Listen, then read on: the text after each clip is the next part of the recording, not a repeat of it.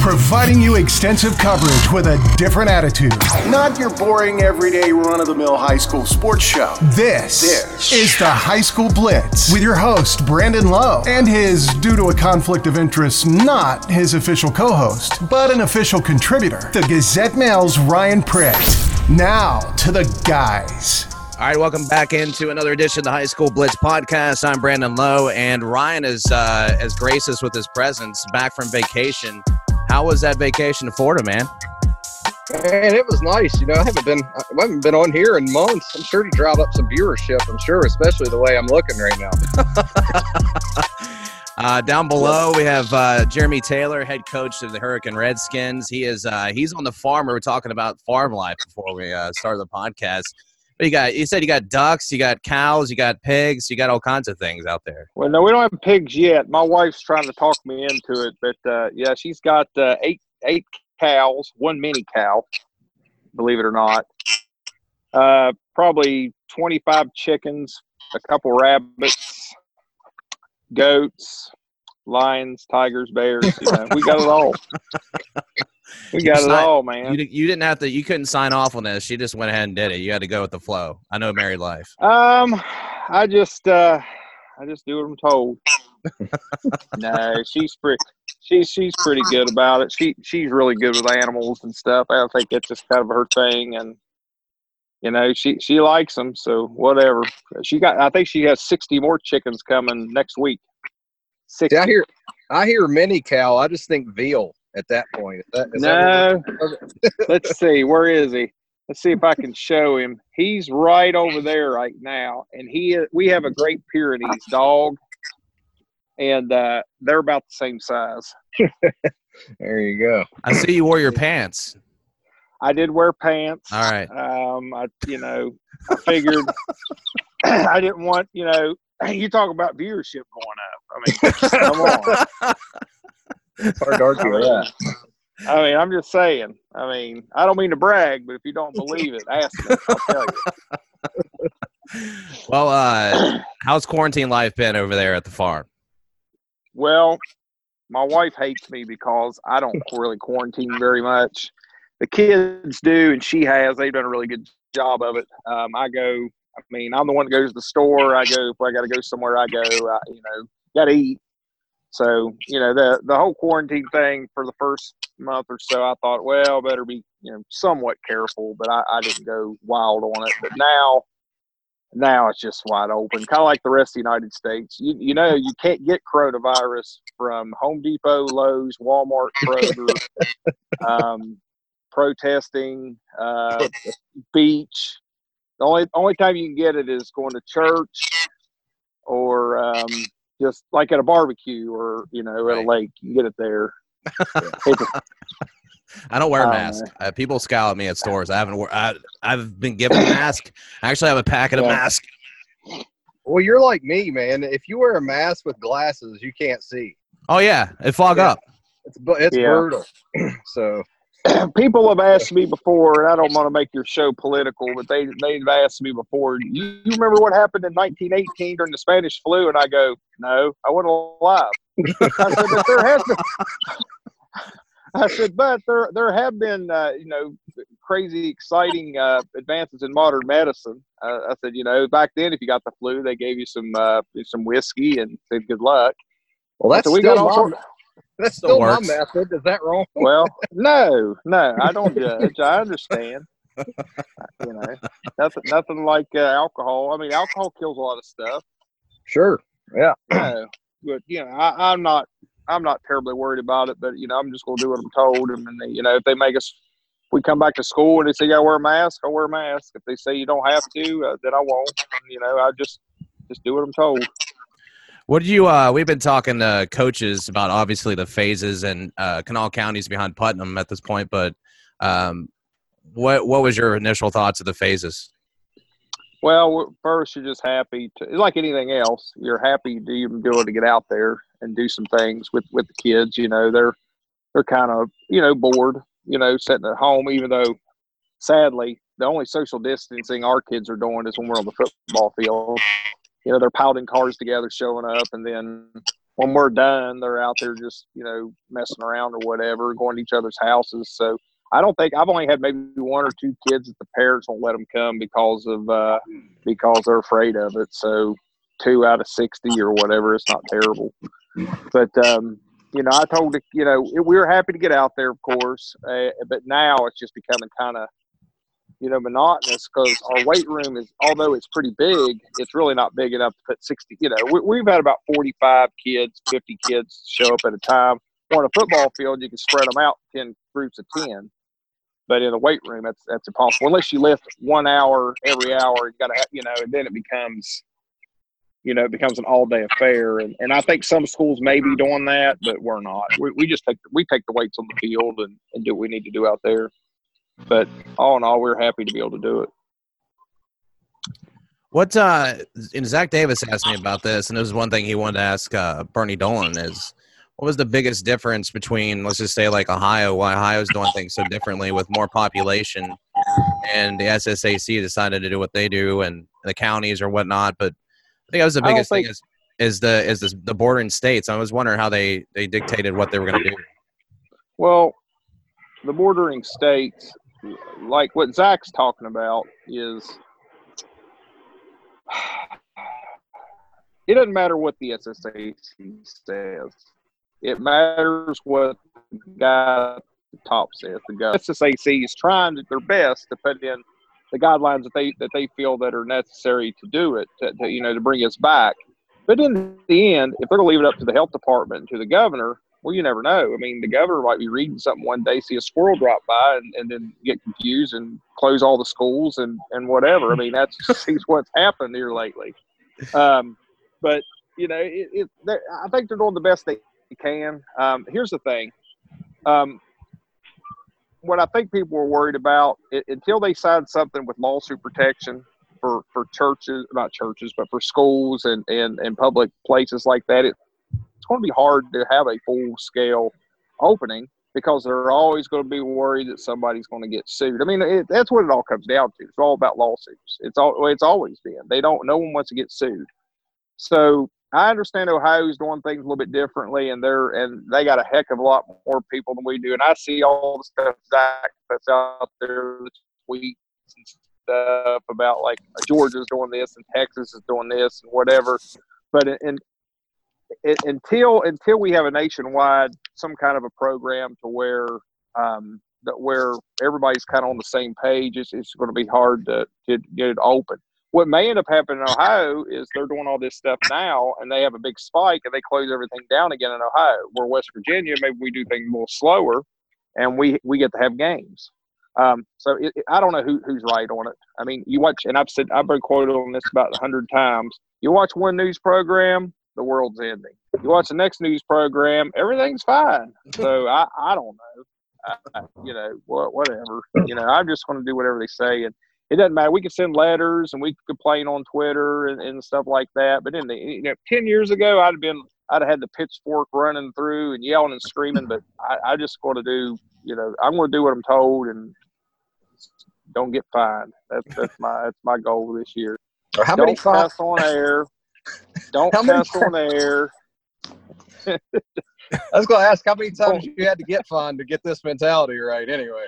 Oh uh, yeah, I, I, I had a newspaper reporter uh, about a month or so ago, and I and apparently I said a, a word that. Um, well, let's just say the FCC is okay with it. It begins with P and rhymes with ist off, and uh, I got I got I got a call about it, and I went, "What?" I said, I said, I said, I don't remember saying that. I said, did I? Did it sound like something I would say? Yeah, but I normally say worse. I, I, mean, I wasn't, I wasn't written up, but I, I just kind of was like, really? I said, that you all right me? I said, oh, don't come to practice anytime soon. I said, don't to anybody's practice. I said, Lord, you all. We'll have to shut. We'll have to close the practices. I'm gonna. T- yeah, you'd never. You'd never survive at a game without fans, man. They'd hear everything you said. Oh, dude. Oh, dude. But see, the sad thing is, is when I go up to the referee and I put my arm around him. When I'm, you know, I don't know how your parents used to do it, but when they would, when they would stop yelling and just look at you and talk to you in a real calm voice, you knew the fist was coming or the backhand was coming next. What I say out there, you know, uh, you you you'd be ashamed.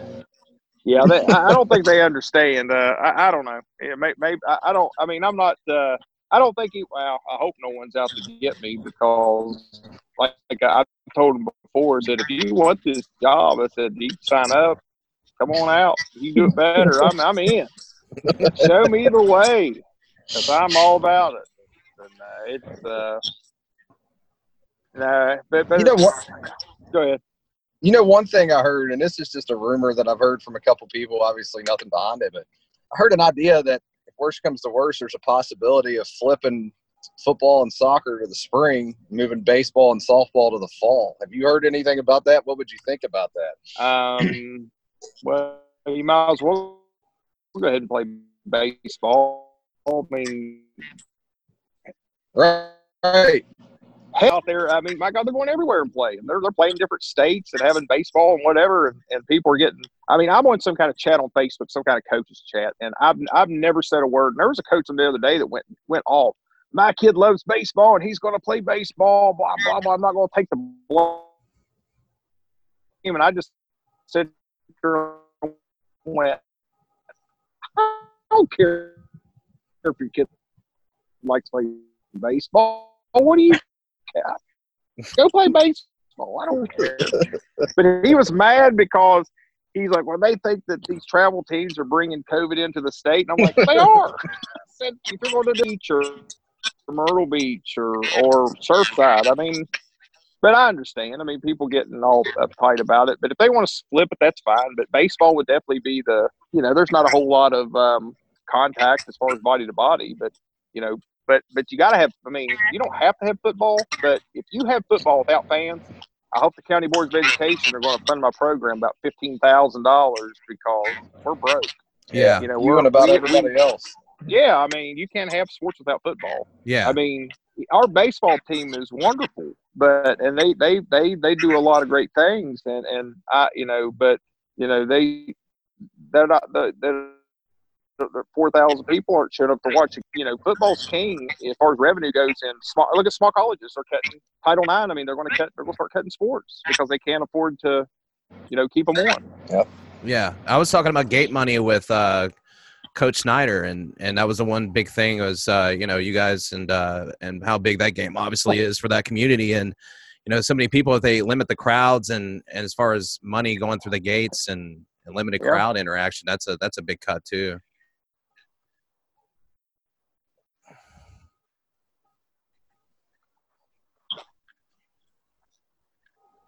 Me and the our board of education, although our politics really align more than what most, I don't think they realize that or care. But if it's up to the boards of education, Putnam County schools will be in school five days a week, and we will have sports, and there will be fans in the stands. Yeah. In my in my opinion, in my opinion, I think they they really lean conservative on that. Um, and I, you know, and I, you know, I'm going to do what they tell me to. They say, "Hey, you're going to show up," hey, I'm there. If they say you're not, not going to have fans, I, although I won't agree with it, I'll be there. Um, but in Putnam County, unless something crazy happens over the next, you know, eight eight weeks, we're going to have school. We're going to have uh, we're going to have sports. We're going to be fans. Um, and we're going to have it in the fall. Um, unless the SSAC comes in and drops a hammer and flips the sport seasons, you know, and then then you're looking at Ohio and, and Virginia. They're not going, and Pennsylvania, Maryland. You know, we got a lot of schools to go there and play. Kentucky. I mean, if they don't, what, what do those teams do? I mean, I think it'd be terrible if Martinsburg didn't have enough games to play in the state championship. But you know, we just have to leave them out this year. I mean, I mean- I mean, it's something that I'd hate to do, but you know, it'd be terrible. Well, you know, on the field, on the field, when you eventually do get there, the good news is it ain't like you have a lot to replace. You know, just a quarterback, probably the school's all-time leading rusher, and what three wideouts. Yeah, yeah, but you see, we cheat a lot, so we're going to try to cheat as much as possible. We went up there a few years ago and cheated, and they still beat crap out of us. So, well, that didn't work work. So maybe we'll try to cheat again.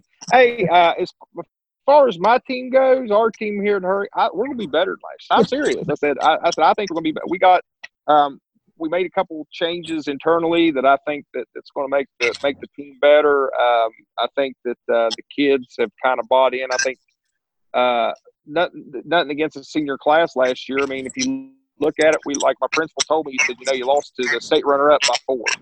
Yeah. You lost to GW in overtime by one. You lost to. Um, oh, oh, wait a minute. Hold on. Here he is. you see? That's awesome. Yep, that's him. That's the mini cow. He's got a halter on and everything. our first cow on the show. That's our first Yeah. cow. Uh-huh. Uh, hold on. New territory. Here you go. Hold on. Here's your next one. Here's your goat. Here's your goat. There's your mini cow. yeah.